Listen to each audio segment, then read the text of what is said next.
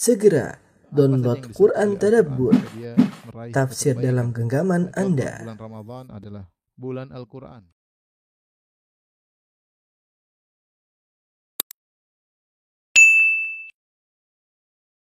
Bismillahirrahmanirrahim. Assalamualaikum warahmatullahi wabarakatuh. Alhamdulillahi ala ihsani wa syukru lahu ala taufiqihi wa amtinani. Wa asyhadu an la ilaha illallah wahdahu la syarika lahu ta'ziman li sya'nih. Wa asyhadu anna Muhammadan abduhu wa rasuluhu da'ila ridwanih. Allahumma salli alaihi wa ala alihi wa ashabihi wa ikhwanih. Pada para jamaah majelis taklim, samara taklim yang dirahmati oleh Allah Subhanahu wa taala, kita kembali mempelajari kitab Hadisul Akhlak, hadis-hadis akhlak karya Syekh uh, Dr. uh, Profesor Dr. Abdul Razak Al-Abbad hafizahullah taala. Kita sampai pada pembahasan uh, akhlak yang sangat mulia yaitu al-afu anin nas ya, al-afu anin nas. Memaafkan uh, orang lain. Uh, akhlak ini adalah akhlak yang apa namanya? sangat banyak keutamaannya.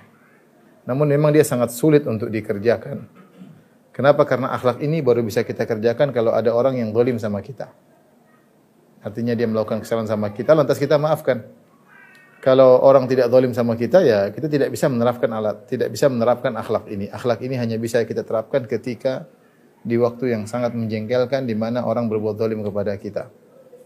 Namun ternyata Allah Subhanahu wa taala memotivasi kita untuk bisa menjalankan akhlak ini, akhlak yang sangat mulia yang hanya bisa dilakukan oleh orang-orang yang hebat, yang memiliki dada yang sangat lapang. Ya. Inilah akhlaknya para ambia, akhlak orang-orang hebat, akhlak para ulama, memaafkan orang lain. Adapun keutamaan akhlak ini, keutamaannya sangat banyak. Dalam Al-Quran maupun dalam hadis-hadis. Di antaranya, uh, ini adalah pintu menuju ihsan, menuju derajat ihsan. Al-ihsan. Kita tahu bahwasanya maratibuddin, kedudukan agama yang paling tinggi adalah al-ihsan. Di bawahnya al-iman, baru kemudian al-islam. Yang paling tinggi adalah al-ihsan. Orang yang bisa maafkan orang lain, dia telah mencapai derajat ihsan. Kata Allah Subhanahu wa taala, "Fa'fu anhum wasfah innallaha yuhibbul muhsinin." Kata Allah, "Fa'fu anhum wasfah innallaha yuhibbul muhsinin."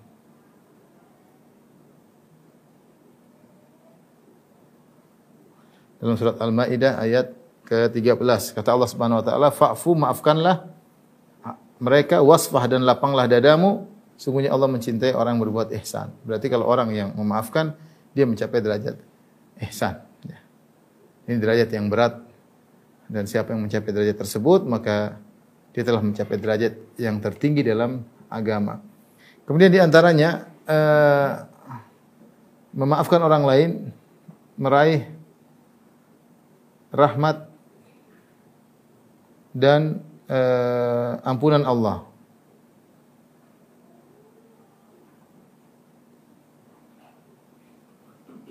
Kata Allah Subhanahu wa taala dalam surat uh, At-Taghabun wa in ta'fu wa tasfahu wa taghfiru fa inna Allaha ghafurur rahim. Ya. Wa in ta'fu wa tasfahu wa taghfiru fa inna Allaha ghafurur rahim.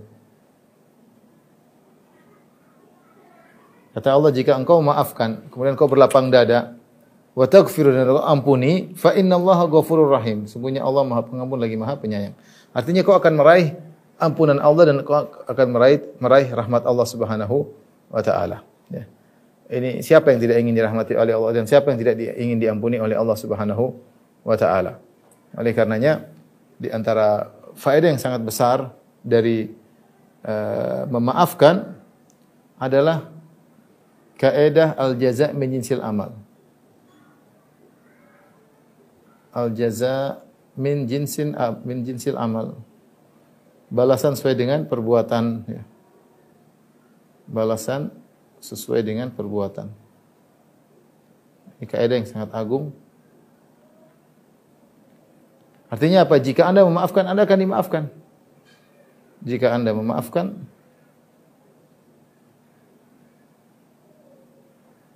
maka Anda akan dimaafkan oleh Allah.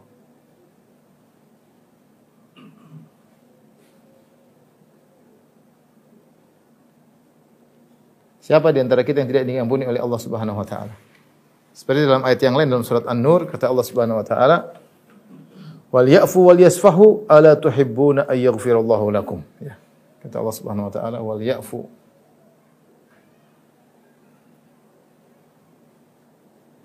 wal ya'fu wal yasfahu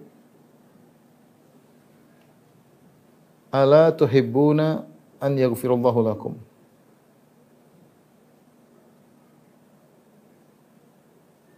Kata Allah, maafkanlah wal ya'fu wal yasfahu lapangkanlah dada. Tidakkah kalian suka jika Allah mengampuni kalian? Ini kaidah yang sangat penting yaitu al jazaa misil amal balasan sesuai dengan perbuatan. Perhatikan ini kaidah yang sangat penting. Anda ingin memaafkan, maka Anda ingin dimaafkan, maka maafkanlah orang lain. Oleh karena terkadang kita meraih pintu ampunan dari Allah dengan Allah mentakdirkan orang menzalimi kita. Nah, tinggal kita memilih. Kalau kita maafkan dia, maka kita akan diampuni oleh Allah Subhanahu wa taala. Kita masih banyak dosa, masih masih kita banyak banyak dosa. Di antara keutamaan uh, memaafkan adalah pahalanya sangat besar.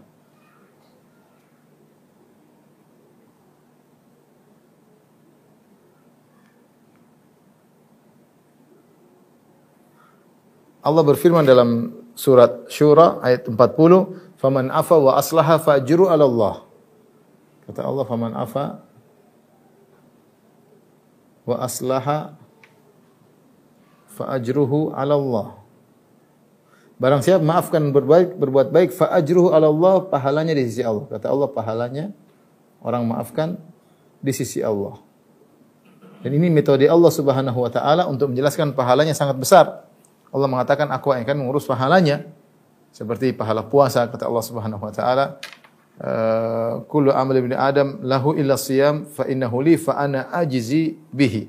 Puasa itu adalah untukku dan aku akan membalasnya. Di sini dalam masalah maafkan Allah mengatakan faman afa wa aslah fa Allah. Siapa yang maafkan dan berbuat baik perbaikan maka fa ajruhu ala Allah pahalanya di sisi Allah Subhanahu uh, wa taala ya. Dan itu sangat sangat logis karena tidak ada orang maafkan kecuali dia bersabar.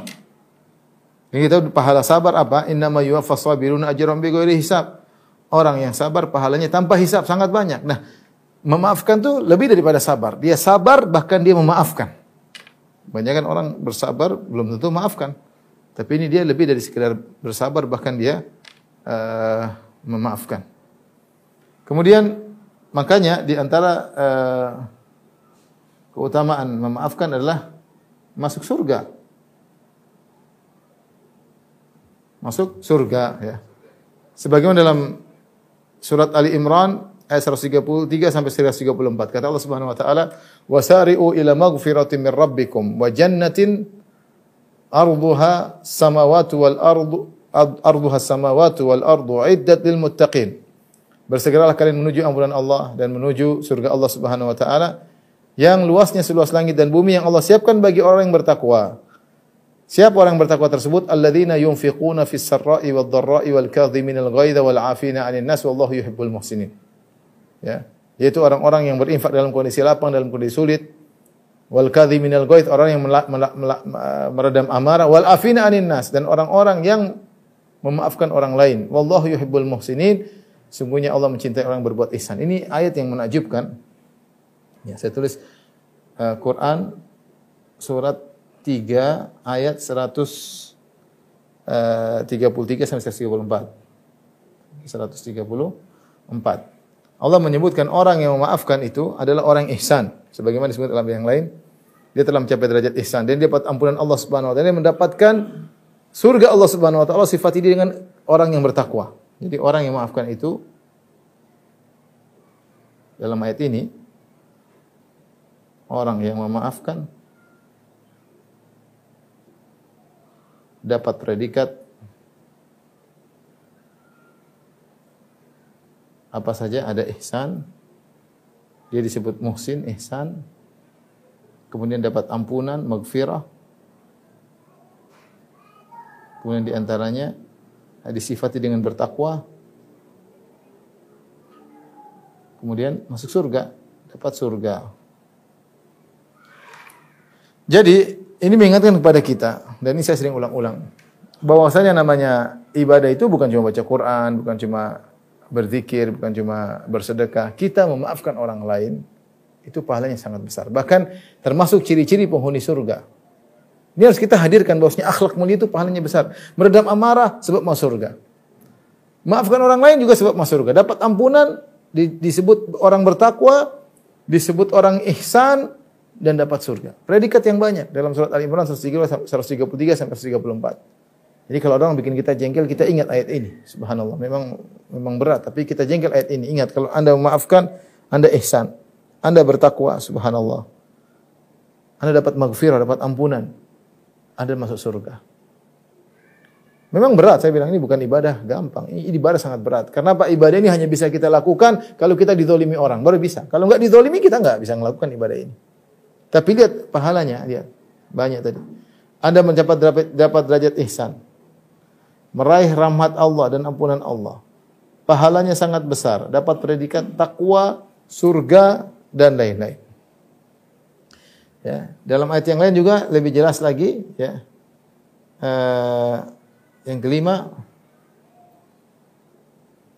yang yang memaafkan bertakwa.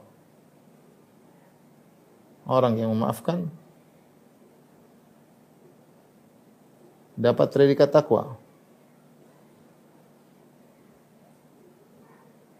Kata Allah wa anta'fu aqrabu taqwa wa anta'fu aqrabu taqwa.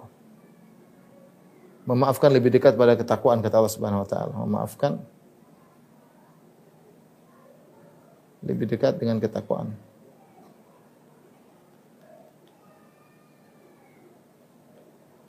Sehingga kalau kita ternyata dalam kondisi orang menzalimi kita dan kita tidak memaafkan, kita berarti kita tidak meraih derajat-derajat ini. Artinya saya kalau boleh saya katakan kalau kita selalu marah, tidak pernah memaafkan, berarti ketakwaan kita dipertanyakan. Sifat ihsan kita dipertanyakan, ya. Karena ciri-ciri yang bertakwa mudah maafkan, ciri yang bertakwa ihsan. Dia tahu bahwasanya dunia cuma sementara, dia akan lewat. Dia yakin dengan ada hari akhirat. Ya, dia yakin dengan hari akhirat, ya.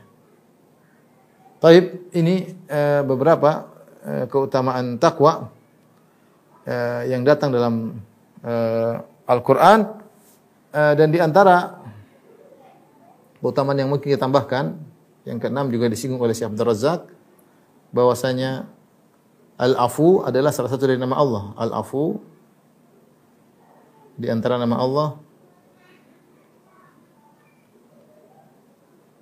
adalah Al-Afu yang Maha memaafkan. Dalam hadis kita sering baca ketika bulan Ramadan, Allahumma innaka afuwun tuhibbul afwa anni. Ya Allah engkau adalah maaf maafkan. Kalau engkau cinta dengan pemaafan maka ampunilah maka ampunilah diriku. Maka kita berusaha uh, meniru sifat yang dicintai oleh Allah itu tuhibbul afwa. Engkau mencintai uh, sikap uh, memaafkan ya. Baik, uh, ini di antara keutamaan uh, memaafkan orang lain. Baik.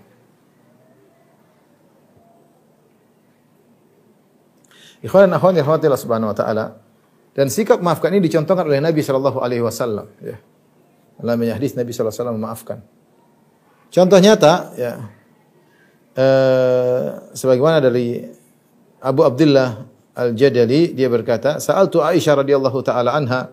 Aku pernah bertanya kepada kepada Aisyah radhiyallahu taala anha tentang an khuluqi Rasulillah, tentang akhlak Rasulullah sallallahu alaihi wasallam. Faqalat maka Aisyah menjawab, Rasulullah itu Rasulullah SAW itu lam yakun fahishan wala mutafahishan. Rasulullah SAW tidak pernah berkata-kata yang keji, apalagi sengaja berkata-kata keji, wala sakhaban fil aswaq, bukan orang yang suka berteriak-teriak di pasar, wala yajzi bisayyi'ati sayyi'ah dan Rasulullah SAW tidak membalas keburukan dengan keburukan. Walakin ya'fu wa yasfah, akan tapi Nabi SAW maafkan dan berlapang dada. Ini berat. Tapi ini sifat Nabi sallallahu alaihi wasallam, ya. Ya, la yajzi bi sayyi'ati sayyi'ah. Rasulullah SAW tidak pernah membalas keburukan dengan keburukan. Walakin ya'fu wa yasfah. Tapi Rasulullah SAW memaafkan dan berlapang dada. Ini sifat Nabi sallallahu alaihi wasallam. Contoh praktek Nabi wasallam bagaimana beliau sangat mudah memaafkan seperti kisah Nabi wasallam ketika ada uh, seorang Arab uh, Badui eh, yang datang kepada Nabi SAW. Nabi sedang berjalan, tiba-tiba Arab Badui tersebut menarik selendang Nabi SAW. Nabi sedang berjalan, betul ditarik sehingga memberi bekas di leher Nabi SAW. Dia mengatakan, Ya Muhammad, a'tini mimma lillahi alladhi atak. Ya, ya Muhammad berikanlah harta Allah yang Allah titipkan padamu, berikan kepada. Ini orang meminta harta, tapi cara mintanya kasar. Nabi sedang berjalan ditarik, selendang Nabi sampai ada bekas merah di leher Nabi, menunjukkan dia tarikannya keras. Tapi Rasulullah SAW tidak marah, Rasulullah SAW tertawa. Rasulullah SAW tersenyum, Rasulullah SAW mengatakan, A'ti, berikanlah harta kepada orang ini. Dan ini menakjubkan dia Rasulullah bisa tersenyum seketika itu pula. Ini sangat sulit. Biasanya orang kalau kesenggol dia pasti marah dulu. Apalagi sampai lagi jalan ditarik, dia pasti marah terus. Paling tidak muka jengkel. Tapi Nabi sama sekali tidak ada. Rasulullah SAW melihat orang Arab Badui tadi dengan tersenyum. Ini sulit. Bisa maafkan seketika itu pula ya. Ya. Ini sangat sangat sulit. Saya sering bercanda, saya bilang, saya pernah seperti ini, lagi memarah tiba-tiba maafkan. Waktu saya di Madinah, saya sedang naik mobil, tiba-tiba ada mobil gede nabrak mobil saya dan benar-benar peot. Saya lagi naik saya dan keresi dia lama.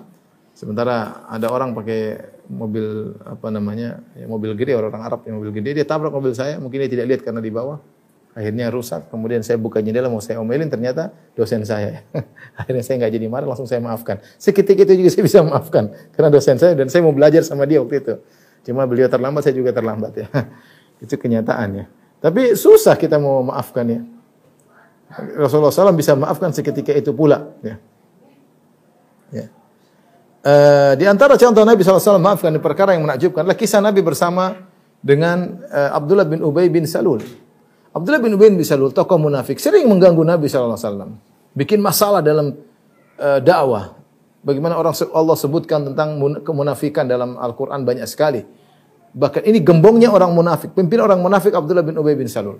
Bikin masalah. Di antaranya dia bikin masalah sehingga terjadi hadis satu ifik di mana Nabi Aisyah radhiyallahu taala anha istri Nabi dituduh berzina. Siapa gembongnya? Walladzi tawalla kibrahu minhum lahu adzabun azim. Yang provokatornya adalah Abdullah bin Ubay bin Salul.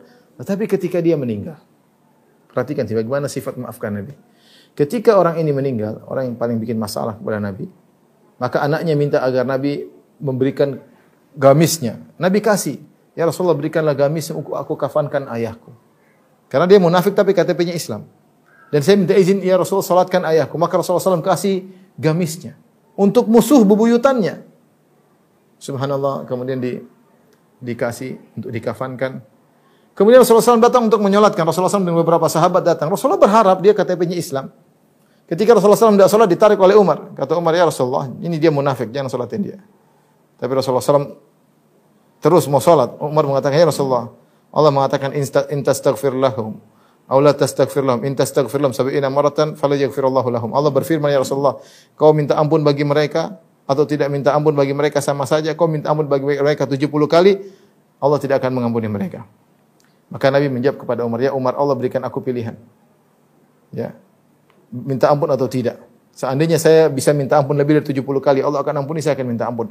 Langsung Rasulullah salat jenazah Allahu Akbar. Sahabat sebagian sahabat ikut. Umar tidak ikut.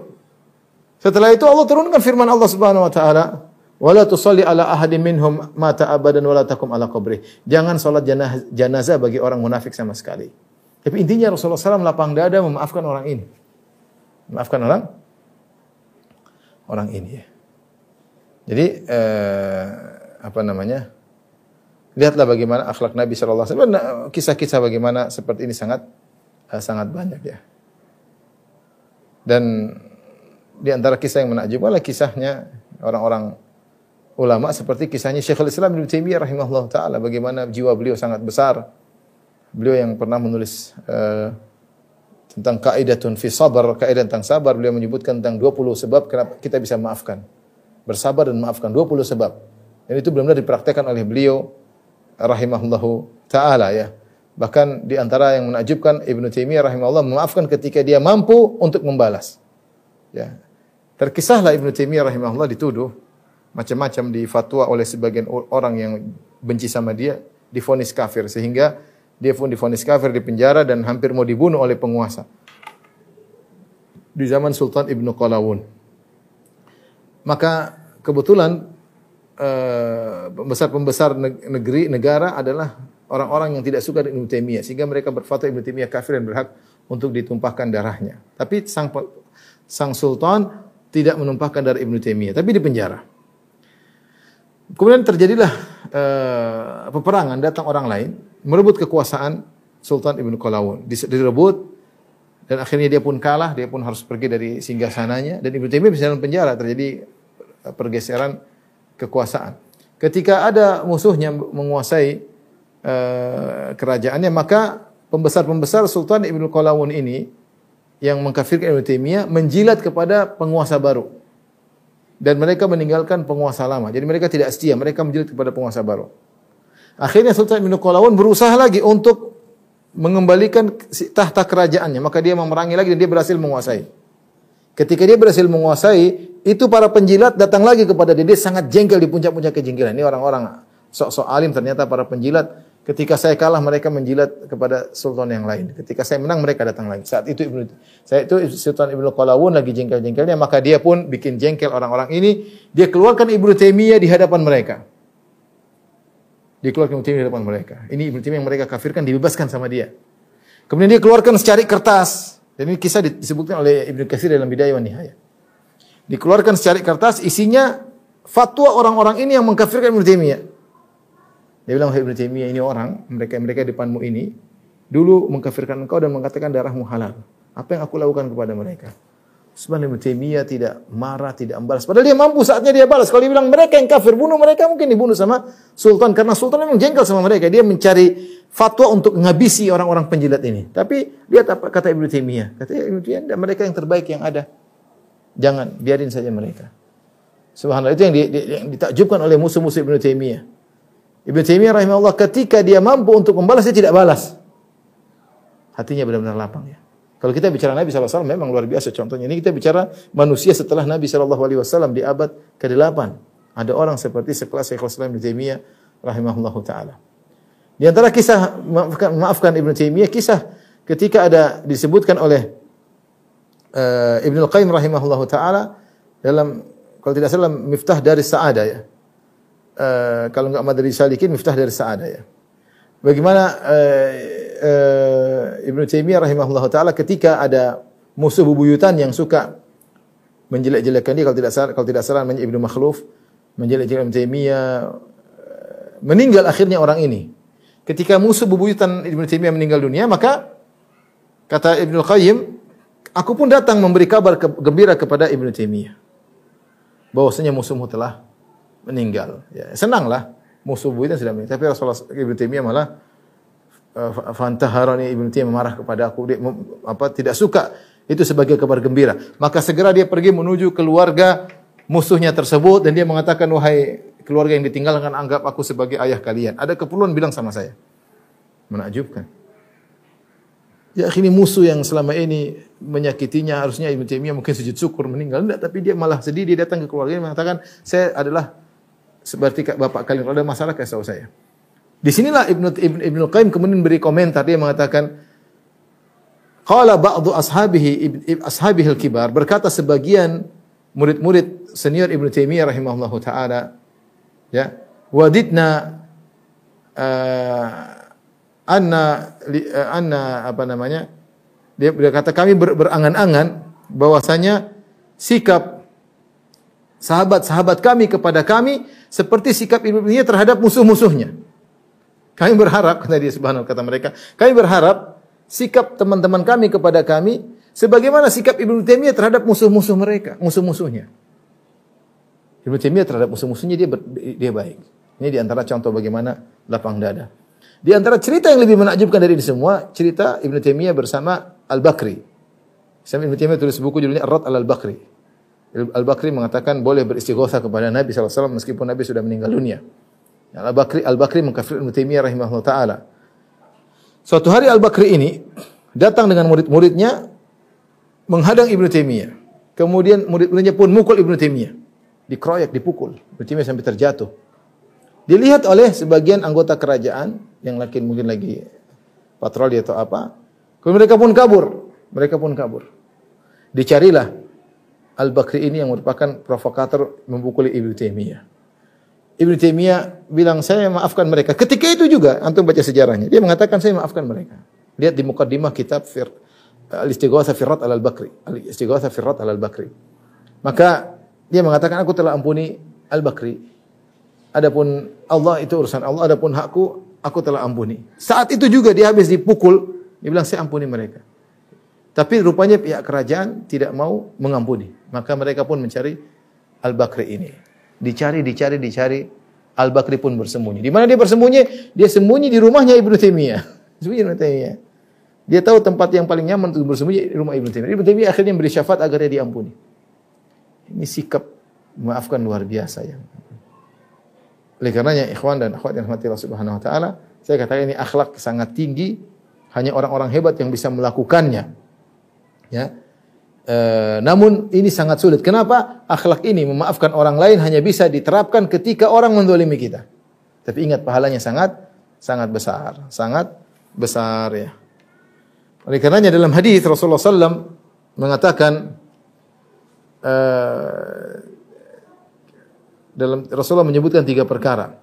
Mana qasad sadaqatan min mal? Sedekah tidak akan mengurangi harta. Yang kedua, wa ma zadallahu 'abdan bi afin ila izzan. Tidaklah seorang hamba maafkan kecuali Allah akan meninggikan derajatnya. Wa ma tawaddu'a ahadun lillahi ila rafa'ahullah. Tidaklah seorang tawadhu karena Allah Allah akan derajatnya. Tiga perkara yang zahirnya tidak demikian. Zahirnya kalau orang bersedekah duitnya kurang. Zahirnya kalau orang memaafkan dianggap rendah. Apa itu? Kalah kalah dalam perseteruan. Zahirnya kalau orang tawaduk dia rendah, tetapi Nabi mengatakan tidak, tidak sebagaimana zahir yang kalian lihat. Orang yang bersedekah hartanya bertambah. Orang yang memaafkan derajatnya ditinggikan meskipun orang mungkin menganggap dia rendah dan orang yang tawaduk maka Allah akan tinggikan derajatnya. Jadi barang siapa ingin ditinggikan derajatnya mudah maafkan, tapi maafkan karena Allah bukan cari muka. Ya. Bukan cari muka, bukan supaya dikatakan oleh orang ini orang yang mudah maafkan. Tidak, dia maafkan karena Allah Subhanahu wa taala. Dia maafkan karena Allah Subhanahu wa taala. Sehingga ketika dia maafkan karena Allah Subhanahu wa taala, maka derajatnya ditinggikan oleh Allah Subhanahu wa taala. Taib. Uh,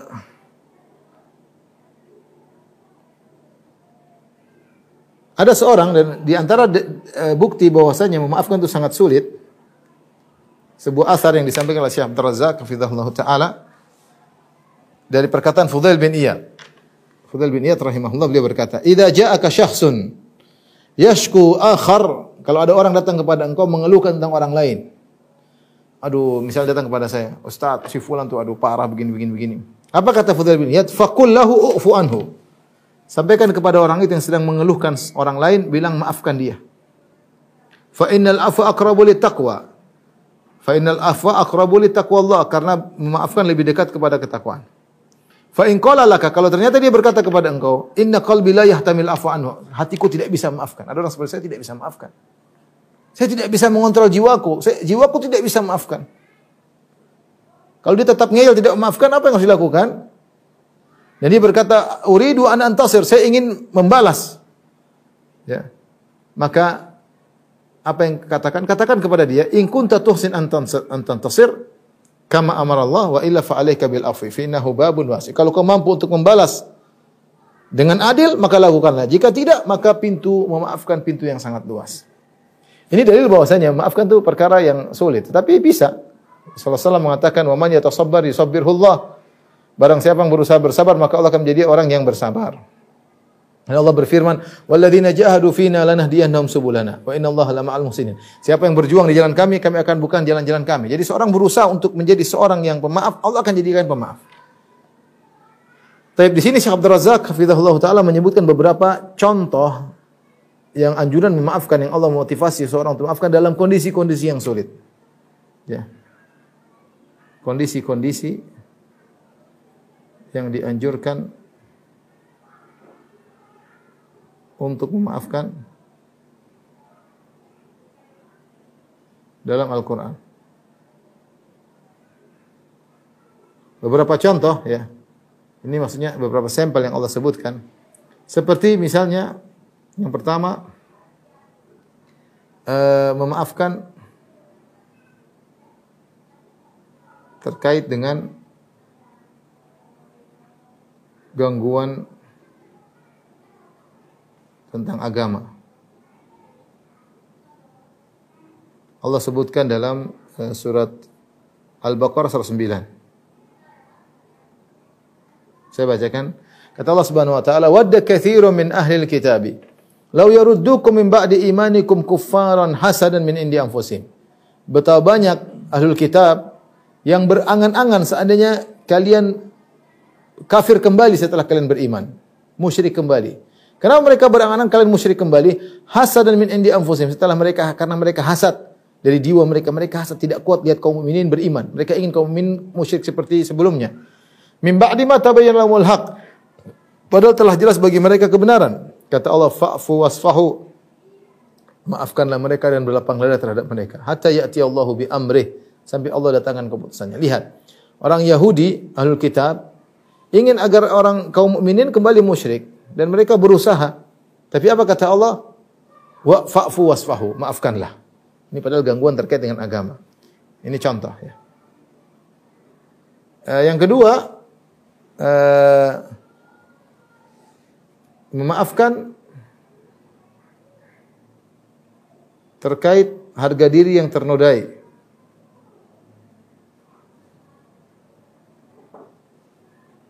Ternodakan.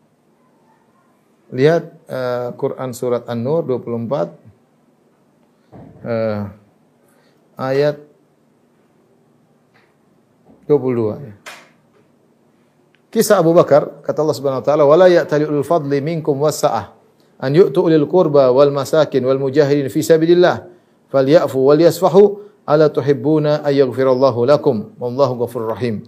Jadi kisah yang masyhur hadithatul ifk ketika Aisyah radhiyallahu taala anha dituduh berzina oleh orang munafik, provokatornya Abdullah bin Ubay bin Salul, kemudian ada sebagian orang-orang sahabat yang ter, ter, terprovokasi sehingga ikut menuduh Aisyah berzina. Di antara tiga orang tersebut adalah uh, apa namanya uh, Hasan bin Thabit radhiyallahu taala anhu, kemudian Hamnah bintu Jahsh, kemudian yang ketiga adalah uh, apa namanya Mistah bin Utsatha, Mistah.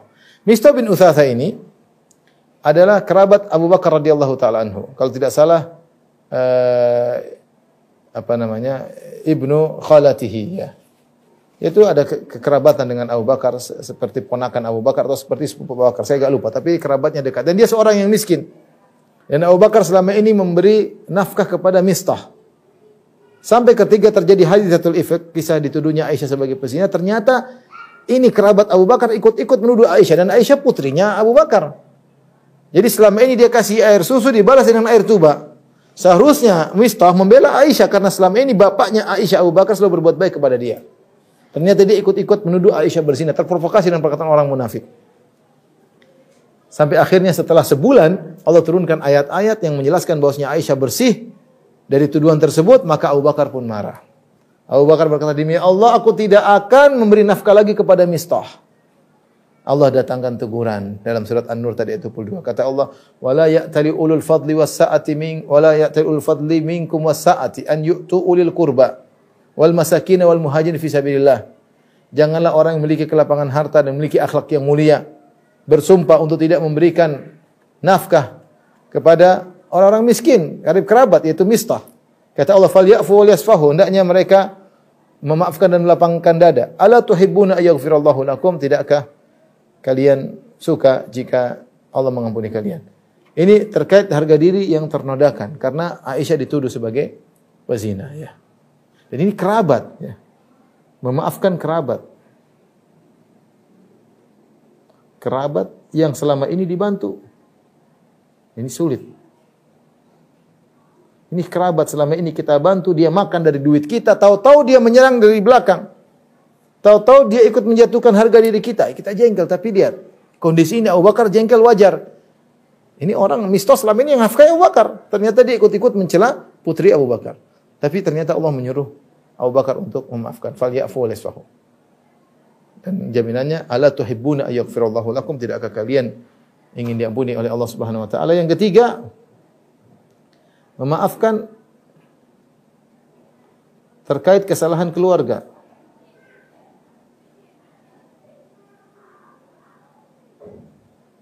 Dalam surat At-Taghabun ya.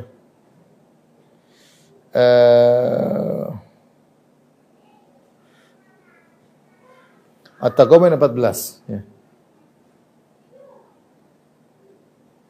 Taghabun ayat 14. Saya bacakan ayatnya. Ya ayyuhalladzina amanu inna min azwajikum wa auladikum aduwwan lakum fah uh, fahdharu uh, aduwwan lakum inna min azwajikum wa auladikum aduwwan lakum fahdharuhum wa in ta'fu wa tasfahu taghfiru fa innallaha ghafurur rahim. Kata Allah orang yang beriman, sungguhnya di antara istri-istri kalian dan di antara anak-anak kalian ada yang menjadi musuh bagi kalian. Maka waspadalah. Jadi Allah mengatakan ada istri kalian jadi musuh, ada anak kalian jadi musuh, maka waspadalah. Ini siapa istri yang membuat kita malas beribadah, istri yang mengajak kita pada neraka jahanam, anak-anak yang buat kita akhirnya malas beribadah. Ini musuh bagi kita karena menghalangi kita dari Allah Subhanahu wa taala. Fahdharuhum, waspadalah terhadap mereka. Tetapi ketika Allah mengatakan fahdharuhum, waspadalah terhadap mereka bukan berarti kita ngamuk-ngamuk sama istri, ngamuk-ngamuk sama anak kalau mengajak-ngajak yang tidak benar. Allah mengatakan wa in ta'fu wa tasfahu. Kalau kalian maafkan dan melapang dada, wa taghfiru dan kalian mengampuni, fa innallaha ghafurur rahim. Allah Maha Pengampun lagi Maha Penyayang. Ini berat.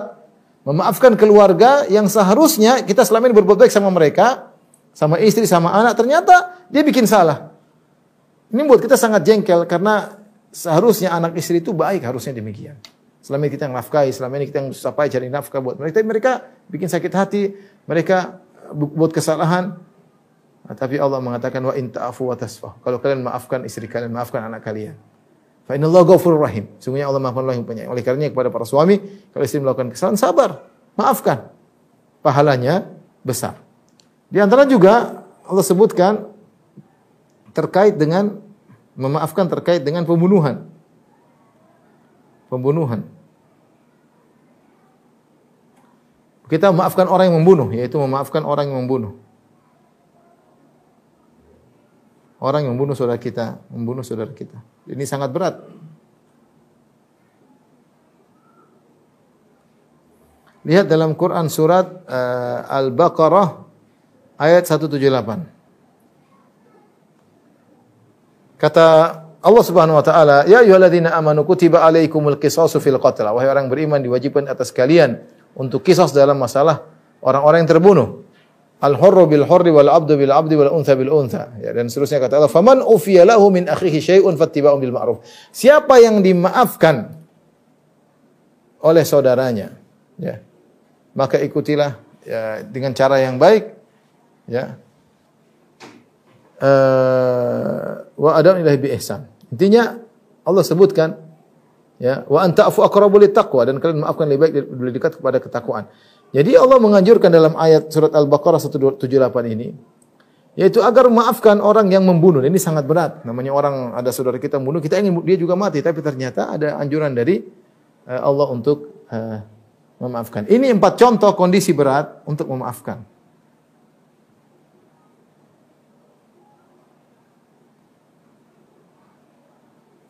Tetapi dianjurkan kita untuk memaafkan. Kenapa? Karena pahalanya besar pahala yang besar. Apalagi kalau perkara-perkara yang lebih ringan daripada ini, maka seorang berusaha melatih dirinya untuk untuk uh, memaafkan ya.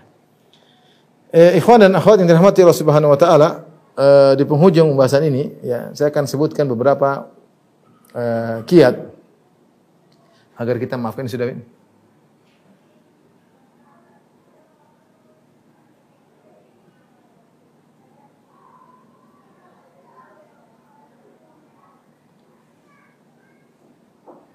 Kiat-kiat memaafkan. Ini eh, saya punya pengajian khusus tentang masalah ini dari kitab Ibnu Taimiyah rahimahullah taala. 20 sebab kita maafkan. Ada 20 sebab kenapa kita harus memaafkan. Di antaranya ya saya akan sebutkan sebagian saja ya. Eh, silakan ini 20 sebab ya. 20 sebab memaafkan.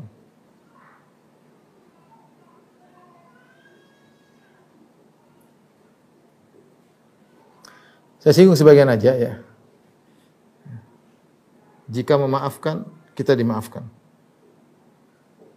Kita diampuni Allah.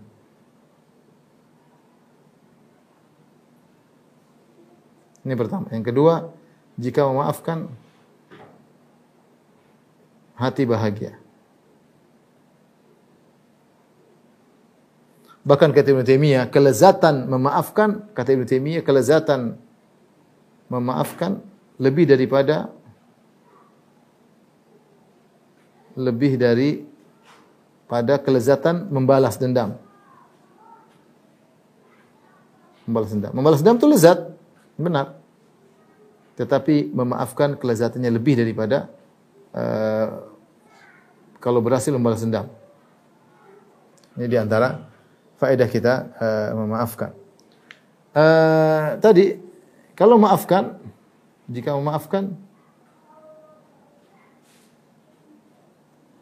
uh, gugur dosa-dosa kita.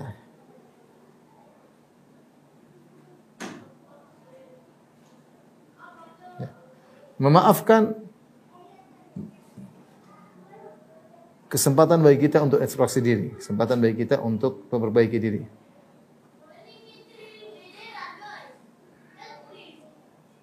Memperbaiki diri. Dan ini penting. Kata Ibnu Taimiyah, ya. Jika seorang dizalimi, yang pertama dia lakukan perbaiki dirinya. Jangan sibuk membalas. Jangan sibuk membalas ya. Jangan sibuk membalas. Kenapa? Ya, banyak hal yang mudarat kalau kita membalas. Pertama kalau kita membalas, buang-buang waktu. Membalas ini buang-buang waktu. Yang kedua, belum tentu berhasil.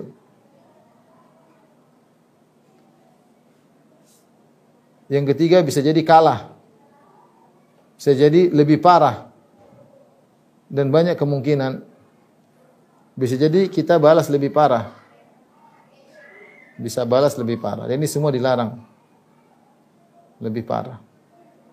Dia mukul sekali, kita mukul dua kali nggak boleh. Kalau ingin balas harus harus sepadan, setimpal.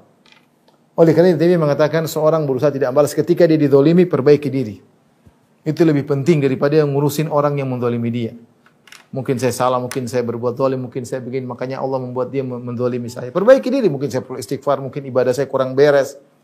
Sehingga kita mudah maafkan, ya sudahlah. Ya, ya sudahlah. Kalau kita balas, kata Syekh Sa'di, sejauh kita membalas kezaliman orang, sejauh itu pula kebahagiaan kita hilang. Kita ingin balas sibuk, dada jengkel. Jengkel, lihat dia sukses kita jengkel ya. Sejauh kita sibuk dengan kezaliman orang lain kepada kita, sejauh itu pula kebahagiaan kita akan hilang. Sudah maafkan aja, nggak usah nggak usah terlalu dipikirin. Ya. Dan tadi eh, kita akan buang-buang waktu untuk balas. Dan kalau itu sudah balas tentu berhasil. Bisa jadi dia lebih parah lagi daripada yang sebelumnya. Dia jengkel bisa jadi lebih lebih parah. Intinya lebih baik kita maafkan dan selesai urusan. Uh, kemudian di antara hal yang membantu kita untuk maafkan di antaranya Ingat hidup dunia sebentar.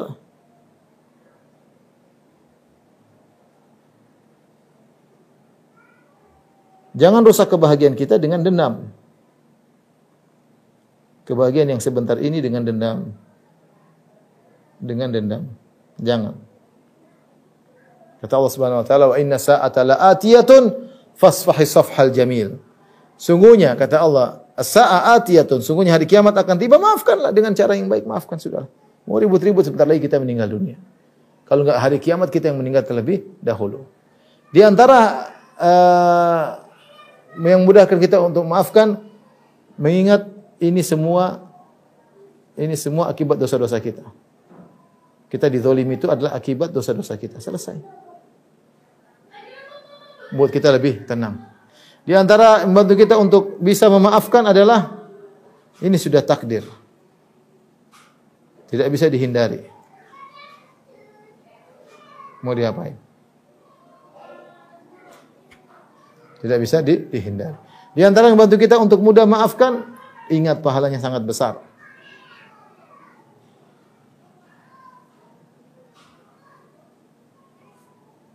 Jadi saya sering sampaikan kalau ada seorang suami kemudian istrinya mungkin marah-marah sama dia, bilang, ini sudah ditakdirkan 50 ribu tahun sebelum Allah menciptakan langit dan bumi bahwasanya kamu marahi saya pada hari ini. Sudah takdir mau diapain? Tidak bisa kita hindari, sudah takdir selesai. Tidak bisa kita hindari. Oleh karenanya ini di antara beberapa hal ya yang bantu kita untuk bisa maafkan. Ya. Ada 20 kiat, tapi saya tidak bisa baca seluruhnya karena waktu yang uh, terbatas. Tapi inilah ikhwan dan akhwat yang dirahmati Allah Subhanahu Wa Taala. Seorang melatih diri untuk maafkan karena maafkan adalah ibadah. Nah, kalau dia sibuk dengan marah, marah, marah hanya menyiksa, menyiksa hatinya, menyiksa hatinya. Terakhir saya uh, peringatkan tiga kondisi manusia terkait dengan uh, zalim kepadanya. Sekarang dia. Ben.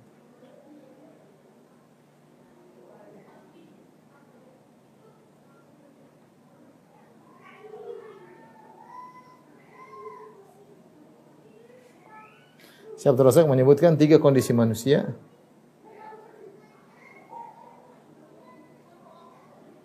Terkait memaafkan ketika dia didolimi. Ketika dia didolimi. Allah berfirman, "Wa jaza'u sayyi'atin sayyi'atun mithluha."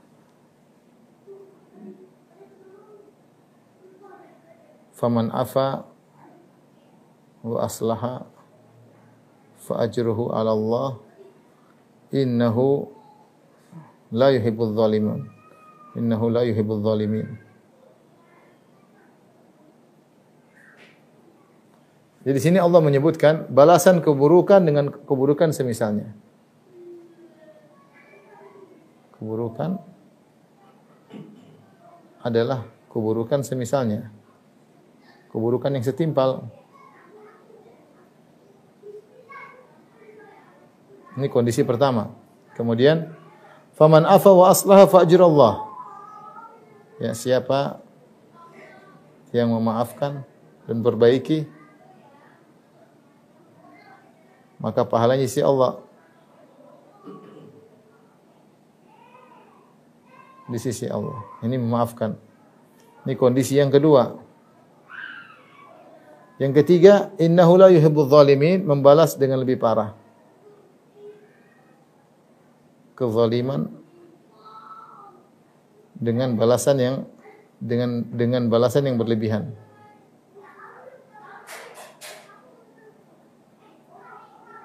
Maka ini adalah berbuat zalim tiga. Inilah uh, tiga kondisi berkaitan maafkan. Yang pertama membalas, membalas setimpal ini hukumnya boleh. Dalam arti yang lain, faman i'tada 'alaikum fa'tadu 'alaihi bimithli ma i'tada 'alaikum. Ya. Barang siapa yang berbuat kezaliman kepada kalian maka balas sesuai dengan perbuatan mereka. Demikian juga Allah berfirman inna aqabatum fa'aqibu mithli ma uqibitum bih. Kalau kalian balas maka harus timpal. Ada tiga ayat Allah sebut di antaranya ayat ini wa jazaa'u sayyi'atin sayyi'atun mithluha. Siapa ingin balas maka balas harus timpal. Ini hukumnya boleh. Orang maki kita misalnya bilang hewan anjing kita bilang kamu juga anjing. Boleh kita enggak berdosa. Boleh. Dia mukul kita sekali, pukul dia sekali juga boleh. Uh, tapi ingat yang yang terbaik adalah memaafkan. Faman afa wa aslaha fajru Allah. Maafkan lebih baik. Kalau dia balas, maka selesai. Boleh tapi tidak ada pahala.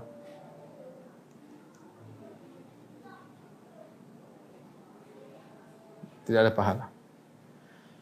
Kalau dia memaafkan, ini dianjurkan. Apa faedahnya kalau dia maafkan? Pertama, hidup lebih tenang.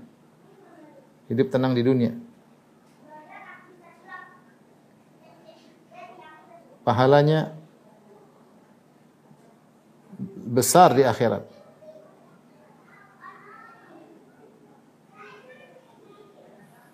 Yang ketiga, haram hukumnya haram jika balas berlebih.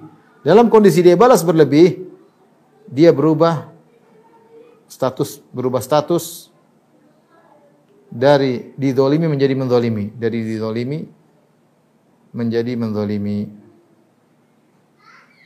karena dia membalas berlebihan.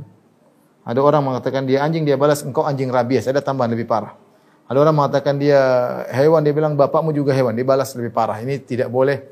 Maka dia terjemah dalam kezaliman. Ya kita lebih aman kita maafkan selesai. Tenang hati hidup tentram pulang ke rumah bisa bercengkrama dengan anak istri. Coba kalau kita jengkel, kita dendam, kita ribut sama anak, ribut sama istri dan itu hal yang tidak uh, baik. Demikian uh, ikhwan dan akhwat yang dirahmati Allah Subhanahu wa taala majelis taklim Samara. Semoga Allah Subhanahu wa taala memudahkan kita menjadi orang-orang yang pemaaf, terutama maaf kepada orang terdekat kita. Yang lebih utama untuk kita maafkan adalah suami kita, istri kita, anak-anak kita, orang tua kita, kerabat kita, mereka lebih utama. Yang banyak semakin banyak jasa kepada kita lebih utama untuk kita maafkan. Wallahu a'lam bishawab. Demikian para hadirin hadirat majelis taklim sama yang rahmati Allah Subhanahu wa taala. Insyaallah kita lanjutkan di kesempatan yang lain. Kurang lebih saya mohon maaf. Wabillahi taufiq wal hidayah. Warahmatullahi wabarakatuh.